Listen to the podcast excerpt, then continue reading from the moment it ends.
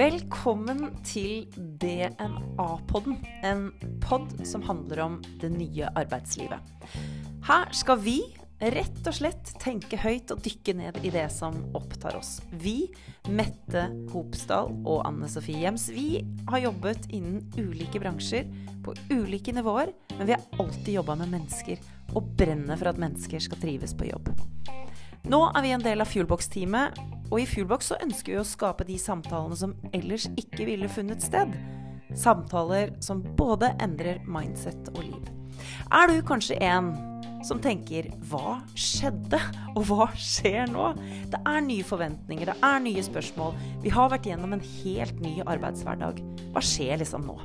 Vi tar deg med på praten, og så håper vi at du kan få både innsikt og inspirasjon til den nye hverdagen. Velkommen til DNA-podden. Velkommen tilbake i studio, eh, Mette. Tusen takk, Anne Sofie. Så hyggelig å være tilbake.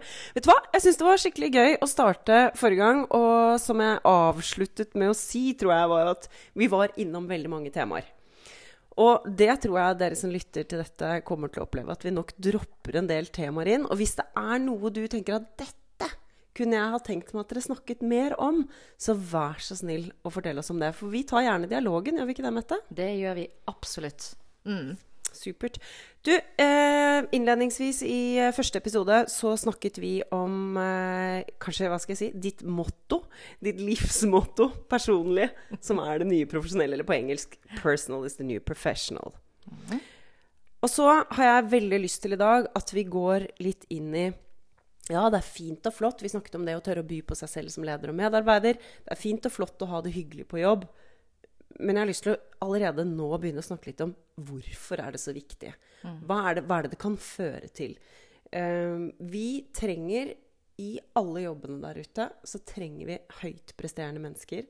Vi trenger folk som både mestrer og presterer høyt. Og jeg har lyst til å liksom kanskje dra det litt inn til Hvorfor skal vi være det? Hvorfor skal vi være så personlige? Hvor skal, hvorfor skal vi gjøre det? Og hva fører det til? Kan vi, kan vi begynne litt der? Det kan vi, Anne Sofie. Det er interessant, for hvem, hvem, du på en måte snakker med nå, hvem du spør eh, Om det er på en måte eieren av en bedrift, om det er ledelsen, eller om det er en medarbeider, så vil jo på en måte motivasjonen for hvorfor det er viktig å være personlig, eh, og viktig å by på seg sjøl, det har to forskjellige utgangspunkt. Fordi for eh, styrer, for eiere, aksjonærer, for ledergrupper. Eh, og selvfølgelig også for medarbeiderne, men spesielt for de som på en måte eh, kanskje er på toppen, så er jo et veldig viktig mandat du har fått når du har en sånn rolle, det er at du skal sørge for at bedriften leverer. Så det er jo liksom, det er jo grunnen til at det kan være smart å, å på en måte jobbe med menneskene. Eh, fordi det er mye cash i det. Det er faktisk en sunn forretningsmodell å eh, investere i menneskene. Det er den ene. Men hvis du går inn på en måte som medarbeider, eh, leder eller en kollega på en arbeidsplass, er jo tingen at grunnen til at vi skal by litt på oss sjøl, og at relasjoner er viktig, det handler like mye som å på en måte nå resultatene og klare å sikre bunnlinjen for organisasjonen du er en del av. Så handler det på en måte om å ha det fint på jobb. Føle at du personlig får noe ut av den tiden som er ganske betydelig i løpet av et døgn som du bruker din tid, energi, erfaringer, personlighet på jobben. Og det er jo ikke heller bare noe du sier. Dette er det jo gjort ganske grundige undersøkelser på mm. de siste årene. Og eh, ofte så snakker både du og jeg, når vi er ute hos kunder, så snakker vi om en, en analyse som blir gjort av Google. Mm. Kan du si litt om For, for det handler jo om bunnlinja, gjør det ikke det? Mm. Det handler i høyeste grad om bunnlinjen. Det som Google gjorde, det var jo at de hadde en, eh, en stor undersøkelse som de kalte for Aristoteles. Eh, og den handlet om å finne ut hva er det som kjennetegner de mest eh, høytpresterende teamene. De teamene som virkelig får det til, og som du kan se ikke minst på bunnlinjer, på resultater, på leveranser, at her er det noe som klaffer. Og det var veldig artig, fordi eh, Google gikk jo da ut, og utgangspunktet deres var at Og hypotesen deres da, Anne Sofie, var at det er nok sannsynligvis de teamene som er satt sammen av de mest komplementære rollene, og folk som på en måte er, virkelig kan faget sitt, og som på en måte hvor du får en helhet. Men det som var den store oppdagelsen der, det var jo at den viktigste tingen, den som var fellesnevneren for alle teamene som presterte best, det var at de var trygge på hverandre. Det var dette her med psykologisk trygghet. Altså, eh, det handlet ikke så mye om hvem som på en måte var på et team. Det handlet om hvordan de jobbet sammen, hvordan de forholdt seg til hverandre. Og her kommer vi tilbake igjen til både tillit og relasjoner. sant? Skal du ha et team hvor det er høyt nok under taket og trygt nok til at du kan våge å by på din egen kompetanse, meninger, historie. Og faktisk, for det er ganske, Du gjør deg selv ganske sårbar Anne Sofie, hver gang du sier noe som, som, på en måte Du stikker hodet frem, da. Du gir noen tilbakemelding. Du sier noe som sier litt om hva du står for. Og da er det så viktig at du kjenner deg trygg på at det jeg nå deler, eller det jeg uttrykker, blir godt forvaltet av de som er rundt meg.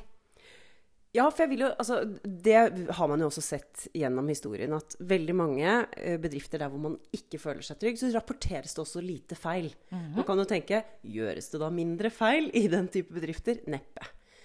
Um, der man er trygg, så vil man også rapportere flere feil. Fordi at man vet nettopp, som du sier, det er jo ganske sårbart å, å fortelle at du enten har ja, dumma deg ut, eh, gjort en feil, Mm. Kanskje brent en kunde, eller gjort en feil, sier sånn mer alvorlig art også. Mm. Um, men hvis vi kan dele de feilene vi gjør, så har vi faktisk muligheten til å, å lære av det også. Mm. Um, jeg syns det er veldig interessant å diskutere nettopp den, uh, det du snakker om nå, med at vi må ha det bra på jobb for å prestere. Mm. Og så handler det jo litt om å hente ut den, den, den mulighetene som ligger i team. Mm. Uh, hente ut det kollektive potensialet, som jeg syns det er veldig fint å kalle det, ved å faktisk bli kjent. Fordi vi snakket forrige gang om uh, man skal by på seg selv. Og jeg må jo si at hvis jeg vet hva som gjør deg glad på jobb, eller jeg vet hva som skal til for å kommunisere godt med deg, så er det jo mye lettere å gjøre det. Ellers så skyter jeg jo fra hofta og prøver meg fram kanskje i lang tid. Jeg har lyst til å fortelle en liten anekdote. For jeg hadde en sjef en gang som hver morgen fortalte meg en vits. Ja. Eh, jeg lo høflig første halve året. Etter hvert så lot jeg som jeg ikke hørte det. Jeg er veldig dårlig på vitser. altså, jeg, jeg vil ikke påstå jeg har dårlig humor, men, men jeg er ikke glad i vitser. Altså, sånn punchline syns sjelden det er gøy. Ja. Eh, det tok veldig lang tid før jeg sa at vet du hva, jeg blir egentlig bare irritert av at du forteller meg en vits om morgenen. Hadde vi hatt den samtalen tidlig, så hadde det vært mye lettere for han å gjøre meg i hvert fall mer glad enn forbanna og irritert hver gang jeg kom på jobb. Så det er noe med å bli kjent med medarbeiderne sine. Um, men jeg, jeg, har bare lyst til å stille deg ett spørsmål. For jeg har lyst til å trekke det neste spørsmålet fra Fuelbox ledelse. Og det er hvordan kan vi i større grad engasjere oss i hverandre, da? Personlig og kollegialt. Hvordan kan vi gjøre det? Hva er mm. dine tanker om det?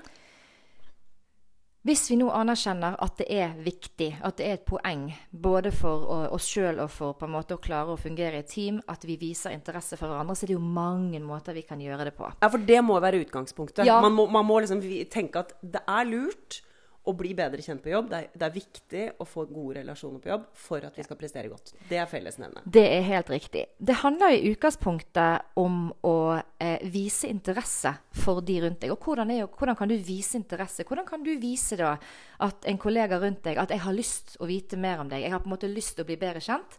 Og det kan du gjøre både ved å på en måte by litt på deg sjøl og det kan jeg komme tilbake til. Og så handler det også om på andre siden å vise at du har lyst. Du viser interesse for den rundt deg. Jeg vil gjerne vite mer. Så dette handler jo om alt fra eh, små ting som at når du har dialoger med de rundt deg, at du dropper små, små ting som på en måte sier litt om hvem du er som person. Det trenger ikke være private ting, men det kan være små ting som at du f.eks. sier 'beklager at jeg eh, kom litt heseblesen inn i møtet i dag', men eh, jeg hadde en eh, femåring som på en måte var fullstendig som ville ha på seg ballerinaskjørt i dag? Som ville ha på seg ballerinaskjørt i dag til tannlegen, skoletannlegen, eller whatever. Ja, Så, det er jo noe litt avvæpnende hvis CEO i et selskap kommer inn og sier at datteren på fem år måtte ha på seg ballerinaskjørt. Du skal bare legge merke til det. I det øyeblikket en eh, person sier det, og gjerne hvis du er leder, som du sier, så gjør det noe med hele, hele stemningen. Og det opplever jeg opplevd mange ganger i, gjennom min karriere. Eh, at i det øyeblikket en leder eller medarbeider investerer litt og våger å være den første som sier et eller annet som deler litt av deg sjøl, så endrer det hele gruppedynamikken. Og det er fantastisk å se. Så, eller småting som at eh, du beklager at jeg, at jeg er litt sånn fraværende i dag. Jeg har sovet så dårlig i natt. Altså Det kan være så små ting, da. Og det trenger ikke være personlig, nei, private ting heller. Men, eller, eller whatever. Det var så mye kø i dag fordi jeg bor jo på Bekkelaget og bla, bla, bla. Sant? Men du får liksom lagt inn små ting som viser litt om hvem du er. Og så handler det jo igjen om eh, hva skal man si, da.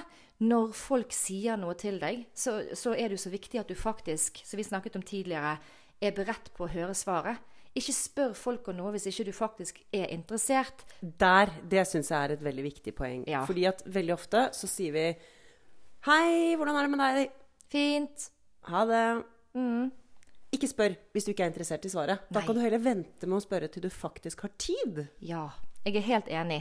Og det handler jo litt om at det vi prøver å få til her ved å på en måte by litt på oss sjøl, det er å skape en trygg grunn som gjør at når vi, når, Det som skjer, skjønner du, når mennesker deler noe med hverandre, når vi ler sammen, når vi er litt, eh, kanskje litt lei oss sammen, til og med gråter sammen, deler noe personlig, et eller annet driter oss ut sammen, så skjer det noe i den relasjonen som er ganske verdifullt. For det gjør at vi har delt et eller annet som gjør at det er lettere for oss eh, å stole på hverandre. Det er lettere for oss å gå til hverandre eh, og gi hverandre tilbakemeldinger og samarbeide. Så andre ting du kan gjøre, det er jo f.eks. Og dette tenker jeg spesielt for ledere, da. Fordi at én ting er jo møtene som man har i løpet av en arbeidsdag og uke.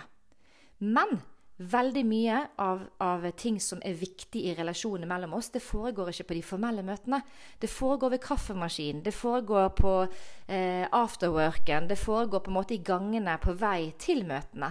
Så spesielt som leder så vil jeg utfordre dere som hører på, til å tenke Neste gang det arrangeres noe sosialt, om det f.eks. er en eh, afterwork eller en fredagspils eller et eller annet noen som initierer noe, så ikke tenk liksom at nei, men nå det er ikke så veldig jobbrelatert, og nå er min dag over. Våg å investere i å være med. Du trenger ikke være siste person som går, eller første som kommer, for den saks skyld, men gjør det. Vær til stede der hvor relasjoner skapes, for der skapes også trygghet. Der skapes det som gjør at man går tilbake igjen til hverdagen, arbeidshverdagen dagen etterpå. Virkelig leverer bedre. Det syns jeg er ganske For det første så er det veldig konkrete tips, da. Eh, For det første så by litt på deg selv. Det snakket vi også om forrige gang. Men det å droppe, det er liksom hvordan man kan eh, være, og hvordan man kan engasjere seg i, i hverandre, som var dagens spørsmål. Jeg syns det var en veldig god idé. Det med å droppe litt personlig informasjon. Eh, nesten litt tilfeldig, men ikke vær så redd for å droppe det. For det vi kommer til å snakke mer om i disse episodene fremover, det er jo nettopp deg som 24-timersmenneske. Eh, og jeg sa i sted, og jeg sier det igjen, det er jo noe avvæpnende med å vite at kanskje CEO, da, har stått i gangen hjemme med en datter på fem år i ballerinaskjørt. Det syns jeg er veldig fint. Og det andre du sa, vær til stede der det skjer, og ha respekt for den, de arenaene der relasjonen skjer. Ja, og så er jo Utgangspunktet her er jo helt fantastisk. for Vi har nå vært i en pandemi eh, hvor vi har sittet veldig mye på Teams. Og jeg kan love dere, og love deg, Anne Sofie, at eh, det har i hvert fall gjort veldig mye med tanke på avvæpning i relasjoner for mitt vedkommende. Å vite at når jeg ser noen som sitter eh, veldig sånn ordentlig og, og liksom vil tøyse litt, så vet jeg at veldig mange av de har sittet enten i boksershortsen eller i joggebukse. Eller liksom, og det er så deilig å vite liksom, folk er folk. Eh, og det å faktisk kunne tøyse litt med det. Jeg har jo sagt flere ganger hvis folk ikke mot all formodning har hatt kamera på. Vi har alltid hatt kamera på der jeg har vært, men er det noen som ikke har kamera på, så går det an å tøyse litt med det. Det går an å si liksom sånn Du, er du påkledd i dag, eller eh, kan vi få lov å se deg? ikke sant? Og det er bare å tøyse litt. Vi er jo Utgangspunktet nå for å by litt på oss sjøl er jo til stede. Fordi at vi har allerede vært inni hjemmene til hverandre. Vi har liksom vært eh, hva skal man si, på vaskerommet til folk med strykebrettet, hvor folk har sittet og brukt strykebrettet som, eh, som eh, pult og arbeidsbord hjemme. Så liksom, la oss bygge videre på det som allerede er skapt, for nå er perfekt setting å jobbe videre. Veldig bra. Det tror jeg var en fin avslutning. Ja. La oss bygge videre på det som er bra som har skjedd under pandemien. Mette, tusen takk for i dag. Gleder meg til eh, neste episode. For jeg kjenner at vi har fortsatt mye å snakke om. Det har vi. Ha en fin dag. Ha det godt.